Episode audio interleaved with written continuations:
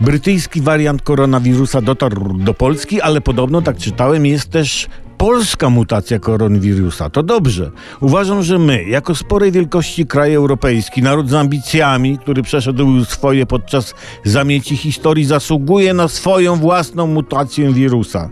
Tylko jaka to miałaby być mutacja? No bo chciałoby się, żeby to, e, żeby ten nasz zmutowany wirus był romantyczny, wzruszał się na widok wierzb płaczących, żeby wypływał na suchego przestwór oceanu, patrz stopy akermańskie Mickiewicza, by był świadomy naszych polskich dokonań, ale też i błędów, żeby wiedział, że trzeba z żywymi naprzód iść po życie, sięgać nowe, żeby ten wirus wiedział, żeby innym wirusom pomagał w biedzie. No ale bądźmy realistami, obawiam się, że jeśli pojawi się polska wersja koronawirusa, to paradoksalnie może jej nie być. No, dlaczego? No bo polskie wersje ko- koronawirusa pokłócą się jak ma wyglądać ta nasza mutacja? Czysto polska, czy otwarta na świat? Przeciwciała będą się tylko przyglądały bezradnie, jak się wirusy ze sobą w ciele naparzają i kłócą zamiast zarażać. Bo będą się uważały za najlepszą wersję wirusa na świecie, będą ponad zarażanie.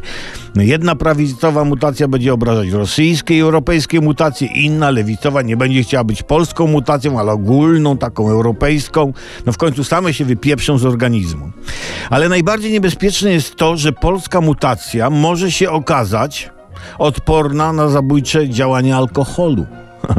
Ale powiem wam tak, dobrze chociaż, że nie dotarła do nas mutacja egipska, bo, bo by wirus chciał nam sprzedać dywan.